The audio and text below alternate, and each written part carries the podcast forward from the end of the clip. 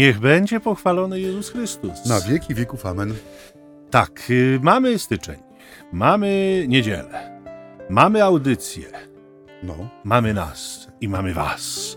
no właściwie wszystko, co potrzebne do szczęścia jest. Jest jeszcze kubek ciepłej herbaty. Mamy nadzieję, że Państwo już go mają. U nas trochę jest dzisiaj gorzej, ale y, jest woda, można przepłukać gardło, jak będzie potrzeba. Natomiast chcemy się z Wami w tej audycji, która nazywa się Między nami homiletami, czyli ćwierć tony zambony, podzielić Słowem Bożym. Ojciec Michał Nowak-Franciszkanin, I ojciec Maciej Baron, a werbista. słuchacie Państwo radia Niepokalanów. Niepokalanów. Tak jest. Chrzest Pański, Niedziela Chrztu Pańskiego, 7 stycznia. Właściwie ta audycja jest dopiero pierwszą, noworoczną. Ja już Państwu na Nowy Rok złożyłem w Sylwestra życzenia. No, w sumie nie tak najgorzej, ale nie tamta była noworoczną, pierwszą w Nowym Roku, tylko ta jest pierwszą w Nowym Roku audycją. Nie szkodzi, bardzo dobrze. Yy, Chrzest Pański, Ewangelia na dzisiaj przewidziana to Markowa Ewangelia z pierwszego jej rozdziału, bardzo krótka, więc pozwólcie, że ją przeczytam. Jan Chrzciciel tak głosił: Idzie za mną mocniejszy ode mnie, a ja nie jestem godzien, aby schyliwszy się, rozwiązać rzemych u jego sandałów. Ja chrzciłem was wodą, on zaś chrzcić was będzie Duchem Świętym. W owym czasie przyszedł Jezus z Nazaretu w Galilei i przyjął od Jana chrzest w Jordanii. W chwili, gdy wychodził z wody, ujrzał rozwierające się niebo i ducha jak gołębice zstępującego na niego, a z nieba odezwał się głos: Ty jesteś moim synem umiłowanym. W tobie mam upodobanie. Zawsze, kiedy czytam ten fragment Ewangelii, uderza mnie ta pokora, e, która bije ze słowa Jana Chrzciciela. Wiemy, że e, ten wątek mesjański w życiu poprzednika naszego Pana był obecny, tak? Chociażby ze względu na to, że Jan wyznał, a nie zaprzeczył, że ja nie jestem Mesjaszem, tak? Czyli ludzie patrząc na jego posługę, na jego autentyczność, na jego konsekwencje i wytrwałość w tym, czego się podjął jako ostatni z proroków Starego Przymierza, czyli podjął się tej misji wskazania światu Zbawiciela, no, że miał wszelkie przesłanki do tego, żeby rzeczywiście jednym zdaniem, może jednym gestem zasugerować, że to właśnie on jest tym, na którego czekają. I rzeczywiście myślę, że gdyby rozważyć scenariusz alternatywny, ludzie poszliby za nim, no bo tłumy garnęły się do niego, tak? Tłumy przychodziły na pustynię, czyli w miejsce, no, które trudno jest zabłądzić, tak? Musisz chcieć pójść, chcieć słuchać tego słowa. I te, ten przekaz Jana mm, Chrzciciela znowu jest taki bardzo aktualny, bo pokazuje, że on nie, mm, nie promuje siebie, że mimo, że gromadzi tłumy, nie wykorzystuje sposobności do tego, żeby dobrze i wygodnie żyć, ale w tym zdaniu, które otwiera dzisiejszą refleksję, no, gdyby od razu ustala pewne proporcje i, e, i wskazuje kierunek, ku któremu to wszystko zmierza. Nie? Za mną e, idzie za mną mocniejszy ode mnie, a ja nie jestem godzien, aby schyliwszy się, rozwiązać rzemyk u jego sandałów. To jest niesamowite zdanie, nie? bo człowiek, który, tak jak mówię, gromadzi tłumy i to przekrój społeczny jest niesamowicie szeroki. Ludzi, którzy się gromadzą, aby go słuchać, bo wśród zwolenników Jana były właściwie osoby reprezentujące wszystkie grupy społeczne i warstwy społeczne tego czasu. A więc można powiedzieć, że odniósł sukces jako kaznodzieja, jako nauczyciel, jako interpretator prawa, tak? jako ten, który no, wykonuje też pewną misję, no właśnie prorocką, tak? Ten chrzest Janowy jest potężnym znakiem, który no, budzi ludzi, mówiąc tak trochę rymem, nie? Co, co przekłada się, tak jak mówię, no na, przynajmniej na początku, na takie znamiona sukcesu, a jednocześnie w sercu jego orędzia nie jest on sam, nie? I w czasie, kiedy y, y, słuchamy tych słów, tak jak mówię, no, żyjemy w, w czasach ciekawych i bardzo dynamicznych y, i jak gdyby ciągle dochodzą nowe aspekty tego, mm, jak dzisiaj widzi się człowieka, tak? Albo kim jest dzisiaj człowiek spełniony, albo człowiek sukcesu. Zauważ, że nawet w kościelnym języku my przyjmujemy powoli kategorię tego świata. Zauważył to jeden z moich współbraci, kiedy przygotowywaliśmy się do kapituły e, prowincjalnej, która niedługo się rozpocznie. I w tych wytycznych, które przychodziły do nas, czy to z, y, zarządu generalnego z Rzymu, czy w, ich tłumaczeniach, które potem przechodziły w języku polskim z prowincji naszej, e, coraz częściej używane jest słowo skuteczność. Nie? Ewangelia nie zna słowa skuteczność. Ewangelia, jeśli mówi o, o, o pewnym efekcie działań, czy, czy efekcie działania łaski, to mówi o owocności. To jest trochę coś innego niż skuteczność, nie? Bo skuteczność działania no to jest no, pojęcie z kategorii no, pewnej wydajności biznesowej. Tak? Żeby na przykład przedsięwzięcie było skuteczne, to musi przynieść określony zysk, musi przynieść jakiś dochód, tak?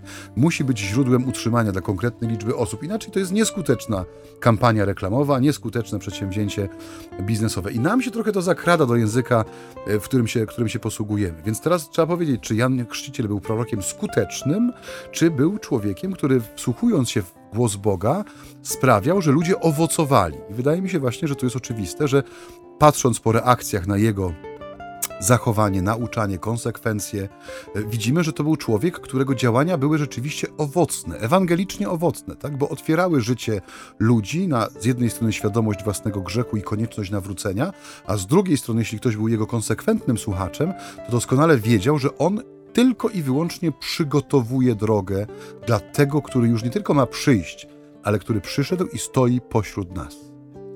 Tak, to ten Jan, jakby i to, co on mówi, to jakby wracamy trochę do adwentowej rzeczywistości, bo tam nam Jan wybrzmiał bardzo mocno, mieści się w kategorii świadectwa, czyli jakby odróżnia się od znaku drogowego, powiedziałbym. Nie, bo znak drogowy po prostu stoi i informuje, co będzie dalej, jak pojedziesz tą drogą. Natomiast świadek zachęca do tego, żebyś tą drogą się jednak e, poruszał. Nie, znak drogowy cię nie zachęca.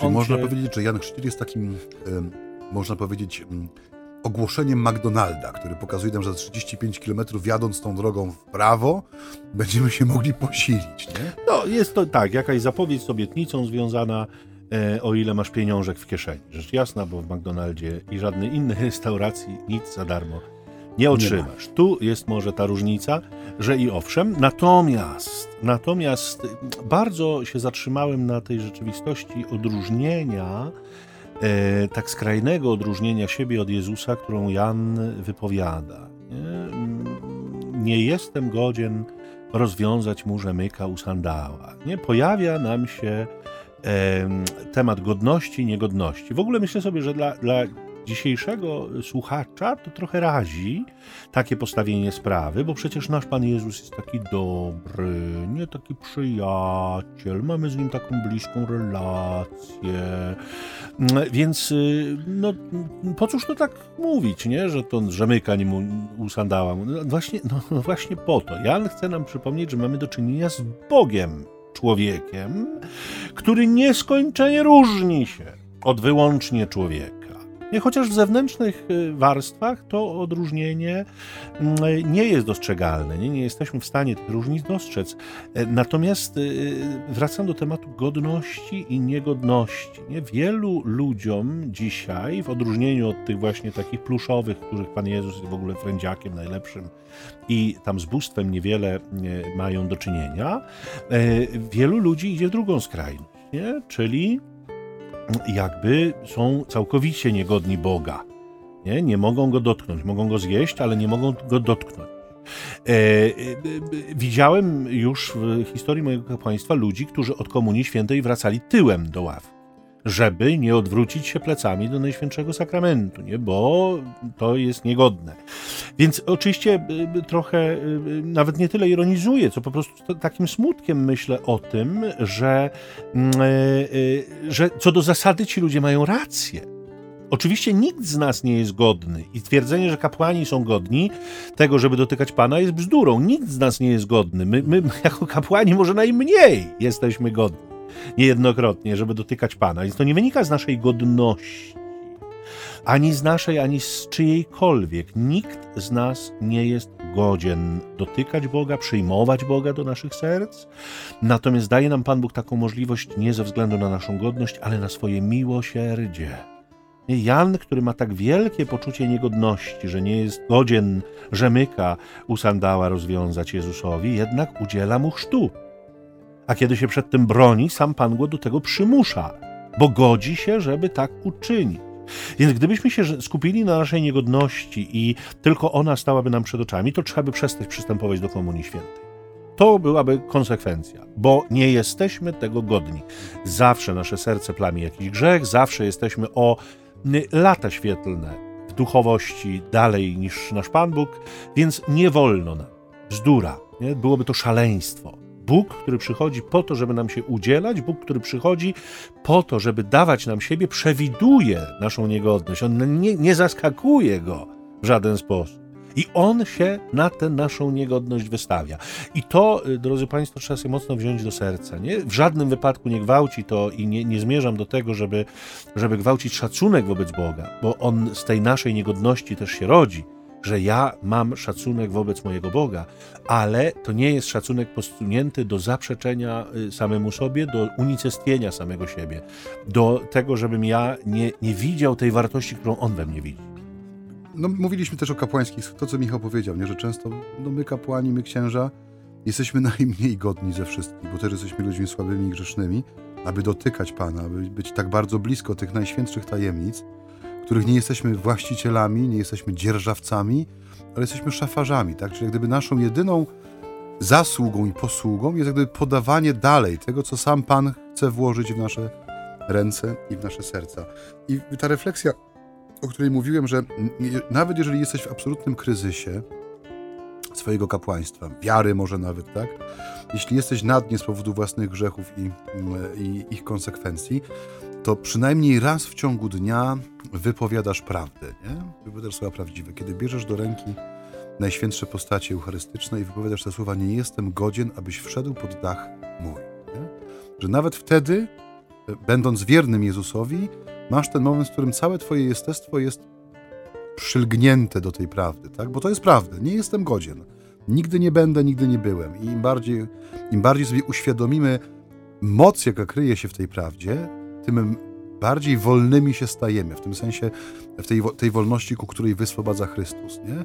Tym bardziej być może dojrzewa w nas też, daj Boże, żeby tak było, ta, ta myśl czy, czy, czy intuicja powrotu, tak? tego ciągłego nawracania się, ciągłego powracania do tego, co nie jest obietnicą, to jest moim udziałem. Tak? Jeżeli ja biorę do ręki Pana Jezusa w czasie mszy świętej i podnoszę Go razem z pateną do góry i wypowiadam te słowa oto baranek Boży, ja, ja mam wszystko, co jest mi potrzebne. Także ja, jako, jako uczestnik, nie tylko jako ten, który sprawuje na najświętszą ofiarę, ale ten, który jest jej pierwszym słuchaczem, tak? Tym, który stoi najbliżej tych rzeczy, przez co niesie też o tyle większą odpowiedzialność za to, co jest mu powiedziane. Nie do ucha, nie skrycie, ale w sposób wyraźnie słyszalny dla wszystkich. Tak, ojcze. E, ja y, przyznam szczerze, że y, idąc dalej tym tropem niegodności, godności, tego odróżnienia Jezusa mm, od Jana Chrzciciela, o które on sam się stara, sam Jan Chrzciciel, to y, chcę zwrócić uwagę na tę moc Jezusa, która też jest tak przez Jana bardzo mocno podkreślana, nie? że ten, który idzie po mnie, jest kimś, kto będzie zrobił coś zupełnie innego niż ja, choć podobieństwo pewne będzie istniało, ale ja was chrzczę wodą, a on będzie was chrzcił Duchem Świętym. A więc to odróżnienie, ta moc Jezusa, której nie ma Jan, jest związana z tym, że Jezus jest dysponentem Ducha Świętego. Nie chrzcić Baptizo to słowo greckie oznaczało zanurzać, utopić, innymi słowy powiedzieliśmy wprowadzić w jakieś zupełnie nowe środowisko, gdzie wszystko staje się inne, wszystko staje się przemienione w mocy tego ducha. My dzisiaj to wiemy i widzimy również dzięki świętemu Pawłowi, który nam opisywał chrzest jako śmierć i jako zmartwychwstanie, a więc coś musi umrzeć, a coś się musi narodzić na nowo. I myślę sobie, że w gruncie rzeczy strasznie smutne jest to, że nam to ucieka w perspektywie sztu niemowląt, no bo my nie widzimy żadnej różnicy nie, w życiu tego dziecięcia, które przynieśliśmy do kościoła i które wynieśliśmy z kościoła. Ono będzie tak samo robić w pieluchę, będzie tak samo wrzeszczeć i będzie tak samo jeść. Nie ma jakby zmiany realnej, dlatego że ten chrzest nie dotyka jego moralności, nie, nie, nie wzywa go do żadnej zmiany, ponieważ no, on jest jeszcze nieświadom, opieramy się na, na tej wierze rodziców rzeczywiście. Nie? Natomiast y, co innego, kiedy chrzest przyjmuje człowiek dorosły który ma za zadanie wprowadzić nową jakość jakość, którą człowiek będzie realizował oczywiście nie o własnych siłach, ale mocą Ducha Świętego, to życie, ono z założenia ma być inne, ono z założenia ma się zmienić. Nie to, co Paweł pisze do Tytusa, niegdyś bowiem byliśmy i my niemądrzy i ponosiliśmy konsekwencje naszych wstrętnych czynów, o które tam wymienia, gdy zaś nie spodobało się Bogu, żeby nas tam przyjąć obdarzyć mocą Ducha Świętego, no w domyśle rozpoczęliśmy zupełnie nowe życie. Był jakiś punkt przełomu, był jakiś moment śmierci, był jakiś moment zatrzymania i było coś zupełnie nowego, coś, co się skrajnie różniło od tego, co dawniej. Nie? Dzisiaj jakby nam to umyka. Natomiast my mamy w Kościele coś, co wydaje mi się być niesłychanie cennym darem, a mianowicie te wszystkie wspólnoty, które się odnoszą do deuterokatechumenatu, czyli one robią to, nie? co powinno być zrobione przed chrztem, a zwykle zrobione nie było. Nie? Czyli jakby przygotowują trochę y, y, w późniejszym czasie życia do tego wszystkiego, co niesie ze sobą łaska chrztu. Nie? One jakby wprowadzają człowieka w doświadczenie wiary. Nie? Czy to są wspólnoty neokatechumenalne, czy to są wspólnoty oazowe chociażby. Nie? One mają pomóc E, często wiele lat po przyjęciu Chrztu Świętego mają pomóc człowiekowi przejść z grzechu do wolności. Nie po to, żeby doznał w konsekwencji tej zupełnej nowości, którą przynosi Jezus, tej nowości, którą daje nam chrzest. Nie? I to jest ogromny skarb, drodzy Państwo, i możemy mieć tam różne swoje osobiste zdanie. Ja tutaj sobie w jednej z audycji nieco dworowałem z, z e, neokatechumenatu, powtarzając pewne obiegowe opinie skądinąd, e, czy też to odnowy w Duchu Świętym. No, e, odnowa mnie nie upomniała, ale neokatechumenat mnie upomniał. Jakiś przedstawiciel neokatechumenatu SMS-a do mnie napisał, pozdrawiam bardzo serdecznie. E, e, tak jak z tej audycji wynikało, nie, jest, nie było moim celem dotykanie czegokolwiek, e, żadnej, żadna krytyka. Ja te wspólnoty wszystkie akceptuję. Nie we wszystkich oczywiście widzę samego siebie, ale do wszystkich jestem posłany jako ten, który im służy i gdyby taka mm, potrzeba zaistniała, żeby służyć tu czy, czy gdzie indziej, to do każdej z tych wspólnot jestem gotów pójść i dać im to, co mam najlepszego. Natomiast ja w nich widzę ogromną wartość właśnie w ten sposób, nie? Że, w, tym, w tym sensie, że ludzie się w nich nawracają, że ludzie w nich przemieniają życie. To jest bardzo często też proces wieloletni, nie? długofalowy. My się spodziewamy często, że ludzie, którzy wstąpili do wspólnoty wczoraj, jutro będą już zupełnie nowymi ludźmi i tego często od nich oczekujemy. Nie? No ten chodzi do wspólnoty, to powinien już reprezentować sobą niesamowite mm, e, tutaj e, jakieś wyśrubowane normy moralne, czy, czy e, przystawiamy do nich kryteria, których nie przystawiamy do samych siebie, nie? Bo tamci, oni to już nie, a jeśli nie spełniają tych kryteriów, czy nie są w stanie im sprostać, no to co to za wspólnoty, po co komu te wspólnoty, to zupełnie bez sensu, to tylko zawracanie głowy, nic to tak naprawdę nie daje. Otóż daje, drodzy Państwo, tylko miejmy świadomość, że potrzeba także na to czasu. I wiele jest czynników, które wpływają na tę owocność, żeby nie powiedzieć skuteczność, jak tu ojciec Maciej mm, nam rozróżnił te dwa wyrażenia. I sam Jezus, zauważcie, daje przykład. Nie? I to nie jest kwestia jego dorosłości, że wreszcie dojrzał do tego, żeby przyjąć chrzest. Nie? To no, tutaj nawiązujemy do tych rodziców mało wierzących, o których już wspominaliśmy w perspektywie odkładania tego chrztu swoich dzieci. No, przekazujemy jako rodzice dzieciom to, co jest dla nas najcenniejsze i najważniejsze. Jeśli wiara nie jest, to i po prostu nie przekazujemy.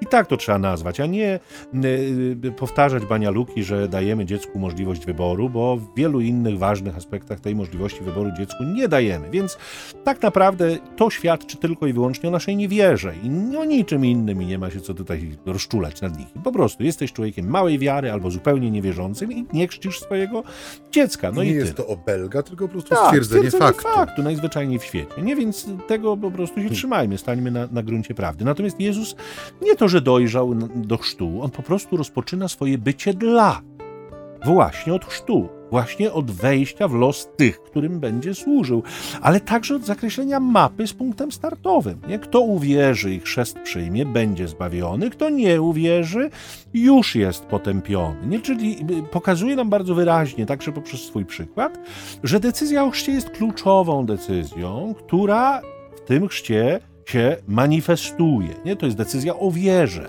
decyzja o przynależności, absolutny fundament naszego życia z wiary. Nie? I to Macie już wspominał e, tydzień temu. E, to jest ogromnie za, zasmucający widok, kiedy my chrzcimy dzieci przed pierwszą komunią świętą. Bo to jest znak, że rodzice tych dzieci ich do chrztu nie przynieśli. Nie? W ich nie, jakby czasie niemowlęcym, czasie dziecięcym. Natomiast teraz no, rodzi się wtedy pytanie, czy to wynika z wiary rodziców, czy to wynika z wiary dziecka, czy coś się zmieniło, bo oczywiście taka opcja też istnieje i tak bywa, że ludzie doszli do wiary nie? i w związku z tym wchodzą w nią wraz ze swoim dzieckiem. Czy jest to tylko okazja, żeby dziecko mogło ze swoimi rówieśnikami pójść do komunii? No bo przecież coś fajnego. No, mówię, bo tak. przecież w Polsce wciąż należy iść do komunii. Nie? Na szczęście to pojmowanie jest coraz rzadsze. Ja przypominam to, co mówiłem tydzień temu. Nie sakramenty są dla wierzących. Nikt nie ma do nich prawa i nikomu się one nie należą. Jeżeli ich nie przyjmujemy z wiarą, inaczej, jeżeli przyjmujemy je bez wiary, może tak, no to narażamy ich świętość na profanację. Dlatego świat, tak jak mówię, może powtarzać co chce. My jesteśmy również stróżami świętości sakramentów i naszą rolą jest przygotowywać i strzec, żeby ci, którzy są przygotowani, przyjmowali je w jak najlepszej e, dyspozycji duchowej, po to, żeby te sakramenty mogły w ich życiu owocować.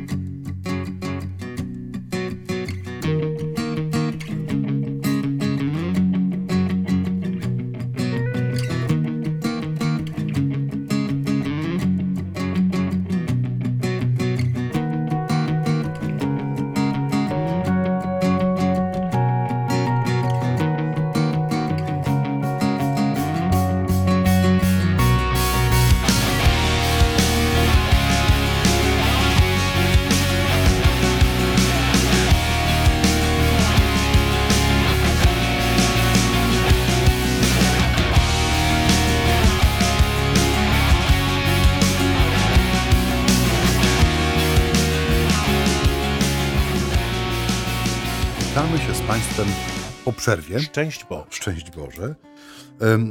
Taki może nowy wątek mm, w naszej rozmowie. Mnie zawsze tak e, porywa i fascynuje ten, mm, ten krótki fragmencik mm, dzisiejszej Ewangelii, mianowicie to podkreślenie przez ewangelistę, że Jezus natychmiast wychodzi z wody. Nie? E, I to jest ciekawy, ciekawy moment tejże Ewangelii, ponieważ y, taki sposób bezsłowny, bez wielkich deklaracji, Jezus zaznacza bardzo mocno, kim jest, tak? Bo w zwyczaju, e, powiedzmy takim ówczesnym, gdy chodzi o różnego rodzaju obmycia, tudzież właśnie ten chrzest Janowy, wejście do tej wody, która miała porwać e, no, nasze Y, nasze słabości, nasze grzechy, to obmycie, zakładało, że człowiek pozostawał właśnie w tejże wodzie, żeby ten rwący, mniej czy bardziej nurt, bo ta rzeka Jordan, ona nie jest jakimś spektakularnym ciałem wodnym, nie? To jest taka, no taka rzeczka, taka rzeka, rzeczka, w zależności też od pory roku oczywiście ilości opadów. Ale wejście do niej rzeczywiście, czy tam zanurzenie się po pas, czy, czy, czy ten, no to już było takie, yy, to już był szczyt możliwości. To nie, to nie był Bóg y, rozlany gdzieś tam, prawda, czy, czy, czy Amazonka, prawda? i że ci, którzy przyjmowali chrzest, zostawali w tym nurcie właśnie dla podkreślenia tego, że ta woda nie ma, nie ma jeszcze mocy uświęcania, ale zgodnie z tym swoim pierwotnym znaczeniem obmywa i oczyszcza.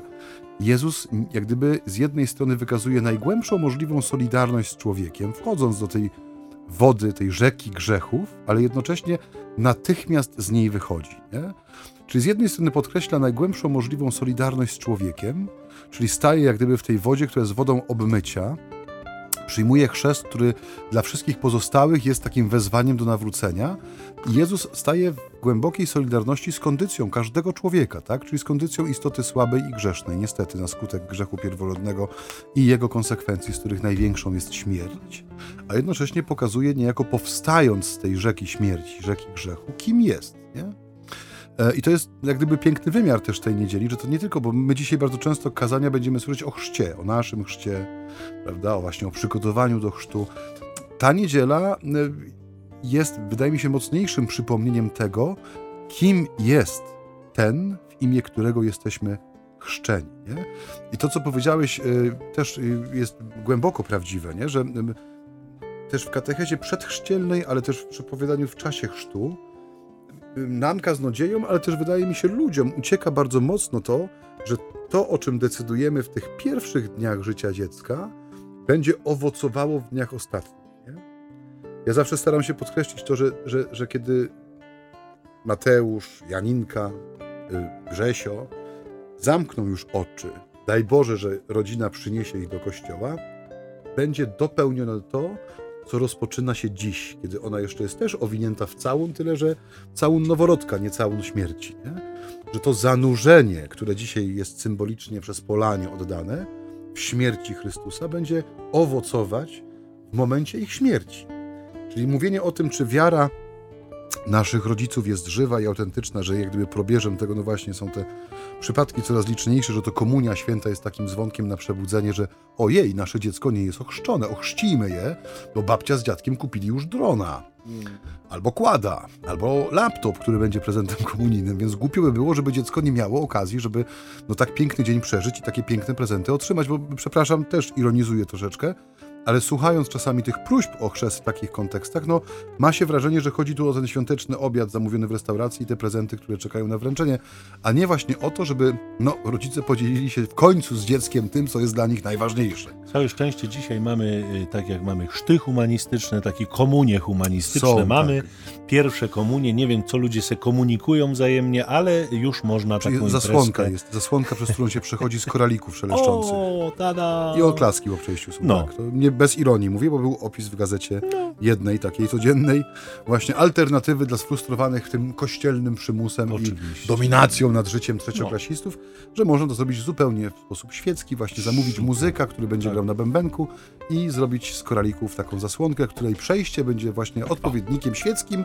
tych kato wydarzeń, które mamy w kościele. Ale czytałem też, że wycieczki zagraniczne są dobre, że wy potem się dzieci dzielą prezentami, a ty mówisz, że byłaś z mamusią na Krecie na przykład w tym czasie i, jest fajowo. Także no, są możliwości rozwiązania tego tematu takie pozakościelne i coraz częściej wykorzystywane również przez ludzi, którzy no, mają wiarę taką, jaką mają.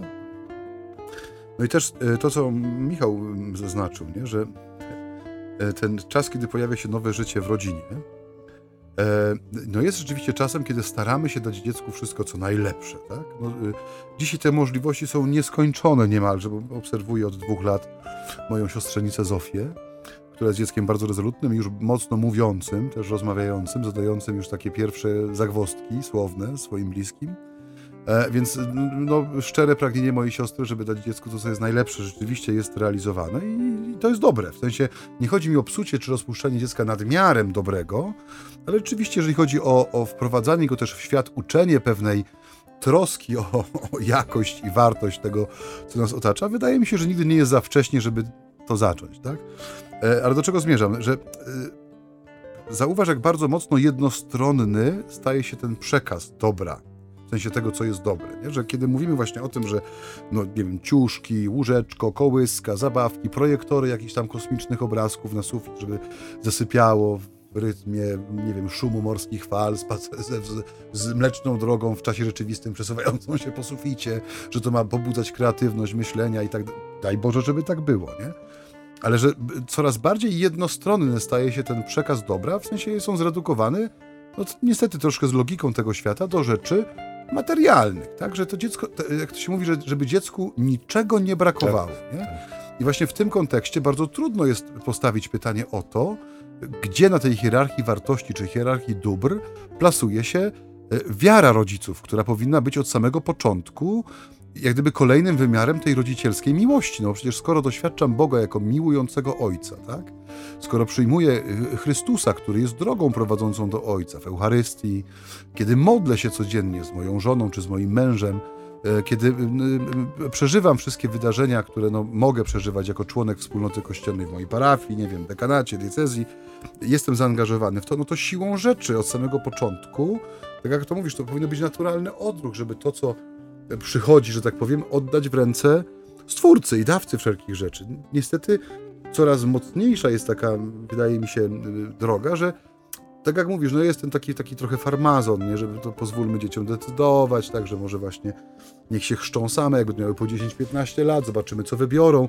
No, wybiorą to, na co patrzą u swoich rodziców, nie? No, dokładnie... Nie tylko u swoich rodziców. No tak, ale mówię w takim pierwszym rzędzie, tak? No jednak rodzic jest takim nauczycielem y, pierwszym dziecka, tak? To jest takie zaprzeczenie, czy naiwne sądzenie, że żadne inne wpływy dookoła dziecka nie dotyczą. Że dotyczą, nie, oczywiście, nie, że dotyczą. Nie, nie tylko, przyjdzie to znikąd. Nie tylko chodzi, znaczy ja się odnoszę do rodziców w tym sensie, bo mówiliśmy właśnie o tym, że no, chociażby w kontekście ofiarowania pańskiego, tak? Kiedy, kiedy Jezus jest przyniesiony do świątyni, e, że, że nie ma, znaczy powoli zanika w nas ten odruch traktowania wiary jako dobra nie? pewnego dobra duchowego, które no jest w tej hierarchii dóbr duchowych jest najważniejsze, bo jeśli, no jeśli nie ma wiary, to wszelki udział w życiu Kościoła, czy to będzie niedzielna msza, czy to będzie właśnie sakrament chrztu, pierwsza komunia, spowiedź, sakrament małżeństwa, sakrament święceń, to wszystko będzie przeżywane jako tylko i wyłącznie rzeczywistość materialna, która no składa się z pewnych słów, znaków, postaw, gestów, tak, zachowań wspólnych, wstawanie, klękanie, ale to nie ma absolutnie nic wspólnego z wiarą, nie? I to jest, wydaje mi się, coś, co też powinniśmy akcentować także w tę niedzielę, w sensie w to święto, nie? że jeżeli chodzi o wiarę w Chrystusa, że rodzic rzeczywiście, czy rodzina będzie zawsze tą pierwszą przestrzenią doświadczenia. Oczywiście nie tylko ona, bo też wszystkie inne e, kręgi oddziaływań społecznych e, będą tutaj miały znaczenie, ale, ale to, co, to, co dokonuje się w łonie rodziny, to będzie rzeczywiście posiew, który będzie zebrany w momencie najważniejszym tego człowieka, czyli w momencie jego spotkania ze Stwórcą. Daj Boże, w sędziwym wieku, prawda, e, I, i, i, długo po tych wydarzeniach, a że to dziecko będzie miało czas, żeby stać się dorosłym chrześcijaninem. Tego przynajmniej sobie zawsze życzymy, tak?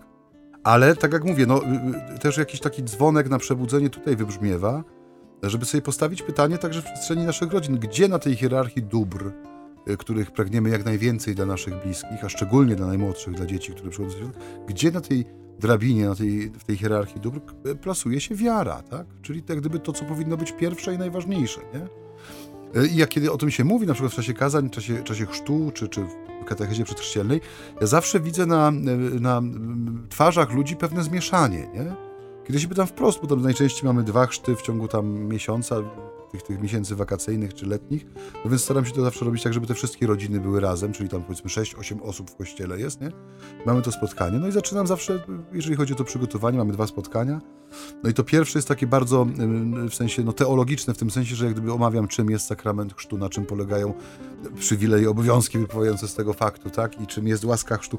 I kiedy pytam się, mówię, skąd w was jest ta decyzja, czyli jaka jest wasza wiara, nie? No to najczęściej bez takiej żenady, bez wstydu i też bez no, mojej też jakiejś tam oceny specjalnej, ale widzę, że pada odpowiedź właśnie, no bo taki jest zwyczaj, bo to się przyjęło, no wypada, tak? No bo trzeba, nie? Bo nie, nie mówię, ponieważ wierzymy, że Jezus Chrystus jest pierwszym i ostatnim słowem życia człowieka, no tylko po prostu przychodzimy z pobudek, no, takich jak syn marnotrawny, no. Nie dlatego, że kochał ojca, czy wzruszył się nad wielkością swojego występu, dlatego, że żołądek przysnął mu do kręgosłupa po prostu już nie mógł jeść nawet stronków, które żrą świnie więc zdecydował się na powrót. Więc y, oczywiście jest to piękna motywacja w tym sensie, że ona spotyka się z otwartymi ramionami ojca, który nie słucha tych wytłumaczeń. I ja też myślę, że no, trzeba przyjmować tych ludzi, którzy przychodzą i proszą o chrzest, ale jednocześnie, tak jak mówię, trzeba ich zaprosić do katechezy, bo ta odpowiedź, którą oni udzielają, no to pierwsze pytanie w czasie przygotowań pokazuje, jak daleko w tyle jesteśmy, jeśli tak. chodzi o ten deuterokatechumena, czyli wyjaśnienie człowiekowi, dlaczego ten chrzest w wieku niemowlęcym, czy kiedy był maleńki jeszcze, dlaczego to było najważniejsze wydarzenie jego życia, na czym polega ta istota e, sakramentu, nie? Urzekające jest to zstąpienie ducha na Jezusa. Dorodzi takie pytanie, czy, znaczy co, wcześniej go nie było, że on teraz dopiero się pojawił, nie? Teraz wstąpił. No, jasne, że nie, tylko wiecie Państwo, bierzemy pod uwagę kontekst, nie? To, to, to jest początek czegoś zupełnie nowego. Duch, który przychodzi jako znak posłany od Ojca i przez Ojca, jako znak udziału Boga w ziemskim działaniu Jezusa, jako takie potwierdzenie, jako taka swoista pieczęć. Natomiast ten głos z nieba jest świadectwem tego, co będzie się dokonywało w życiu ochrzczonych, wszystkich. To jest to, o czym sobie tutaj mówimy, ten sakrament mocno nieodkryty. I Maciej mówił o tym, żebyśmy sobie uzmysławiali, e, nie, do czego my tak naprawdę e, tym sakramencie jesteśmy wzywani, do czego jesteśmy zapraszani, co staje się naszym udziałem tak naprawdę. I, mm. i to nie jest bez znaczenia, jeżeli weźmie ten głos, nie? ty jesteś mój syn umiłowany, w którym mam upodobanie, jeżeli weźmie się pod uwagę, kim jest ojciec i w czym w związku z tym ma się udział. Bo y, wróć, wróćmy do przypowieści o marnotrawnym synu, do której przed chwilą sięgnął Maciej.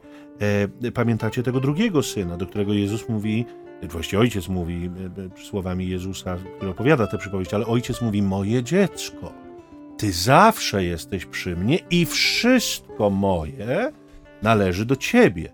Ja więc człowiek ochrzczony ma dostęp do chwały Boga samego, do tego wszystkiego, co jest Boże, z której to chwały skądinąd, jak synowie przypowieści, a właściwie ten starszy mówimy, czyli ten, który przy ojcu tkwił, trudno powiedzieć, żył, no tkwił, był. My z tych darów jakby nie korzystamy, bo nawet sobie nie zdajemy sprawy, że można i nawet nie zdajemy sobie sprawy, jak wielkie bogactwo, mm, y, y, że tak powiem, y, no, nam towarzyszy, czy mamy do niego dostęp. Nie bywa, że nam o tym przypominają ludzie dorośli nieoszczeni, którzy tęsknią za tym, co nam już dawno zdążyło spowszednieć i się znudzić. Nie? I to jest jakby głęboko zawstydzające. Myślę sobie o tym często, nie? że pamiętam dawno, dawno temu, E, jako młody chłopak miałem takiego znajomego, który był nieoszczony i on z takim błyskiem w oku patrzył na nas, jak szliśmy do Komunii Świętej i, i z zaniedbania rodziców oczywiście tutaj niewierzących był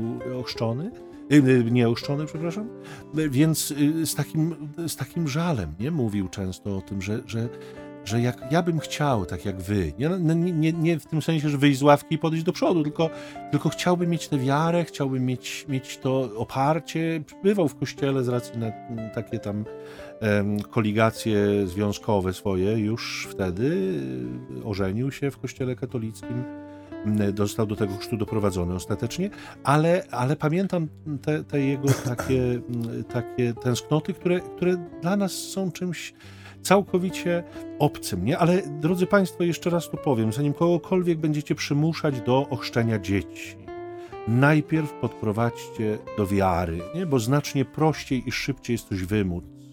Ale nie ma to najmniejszego przełożenia na życie i nie ma to sensu. Sam chrzest winien, winien być świętem wiary, nie? nie tylko chrzcinami. Mamy chrzest i chrzciny. Nie? Chrzciny to jest to wszystko, co się dzieje często po tym chrzcie w kościele i to już y, y, czasem lepiej spowiedź milczeniem, co tam, co tam się dzieje. To też przypomina nam e, y, jakby właśnie całej ludzkiej rodzinie wierzących, do kogo my należymy ostatecznie, gdzie jest nasz dom, nie dokąd my zmierzamy, skąd wyszliśmy. To jest absolutny fundament. Nie? Tak jak Maciej powiedział, że, że, że jakby to od tego tu i teraz, od tego, nie, od tej fundamentalnej decyzji zależy to, co będzie na końcu naszego życia. No nie, nie, nie, nie łudźmy się. Nie? No, Pan Bóg jest poważny i On tak dość poważnie nas traktuje.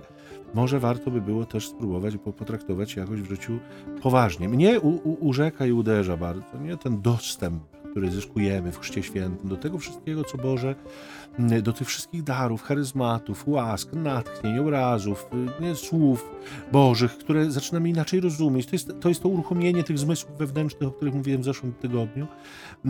Niezwykle, niezwykle jakby bogate y, skarbce i niezwykle pełen łaski czas y, naszego życia w kontekście tego sakramentu do którego no, powinniśmy sobie i naszym bliskim chyba dawać prawo. Taka historia mi się przypomniała teraz właśnie a propos tego, co powiedziałeś o uruchomieniu tych zmysłów wewnętrznych. E, doświadczenie e, człowieka dorosłego, który tak jak właśnie opisał to Michał, no rodzice niewierzący ateiści, można powiedzieć, nie wiem, agnostycy może w najlepszym przypadku, ale zupełnie nie, nie z, z żadną formą religii instytucjonalnej, żadnej. I człowiek, do, człowiek, który doszedł do chrztu no dzięki łasce pewnie też, bo nie, nie, nie miało to związku z, nie wiem, z przygotowaniem do małżeństwa w kościele, po prostu doszedł do wiary. W jakiś sposób doszedł do wiary.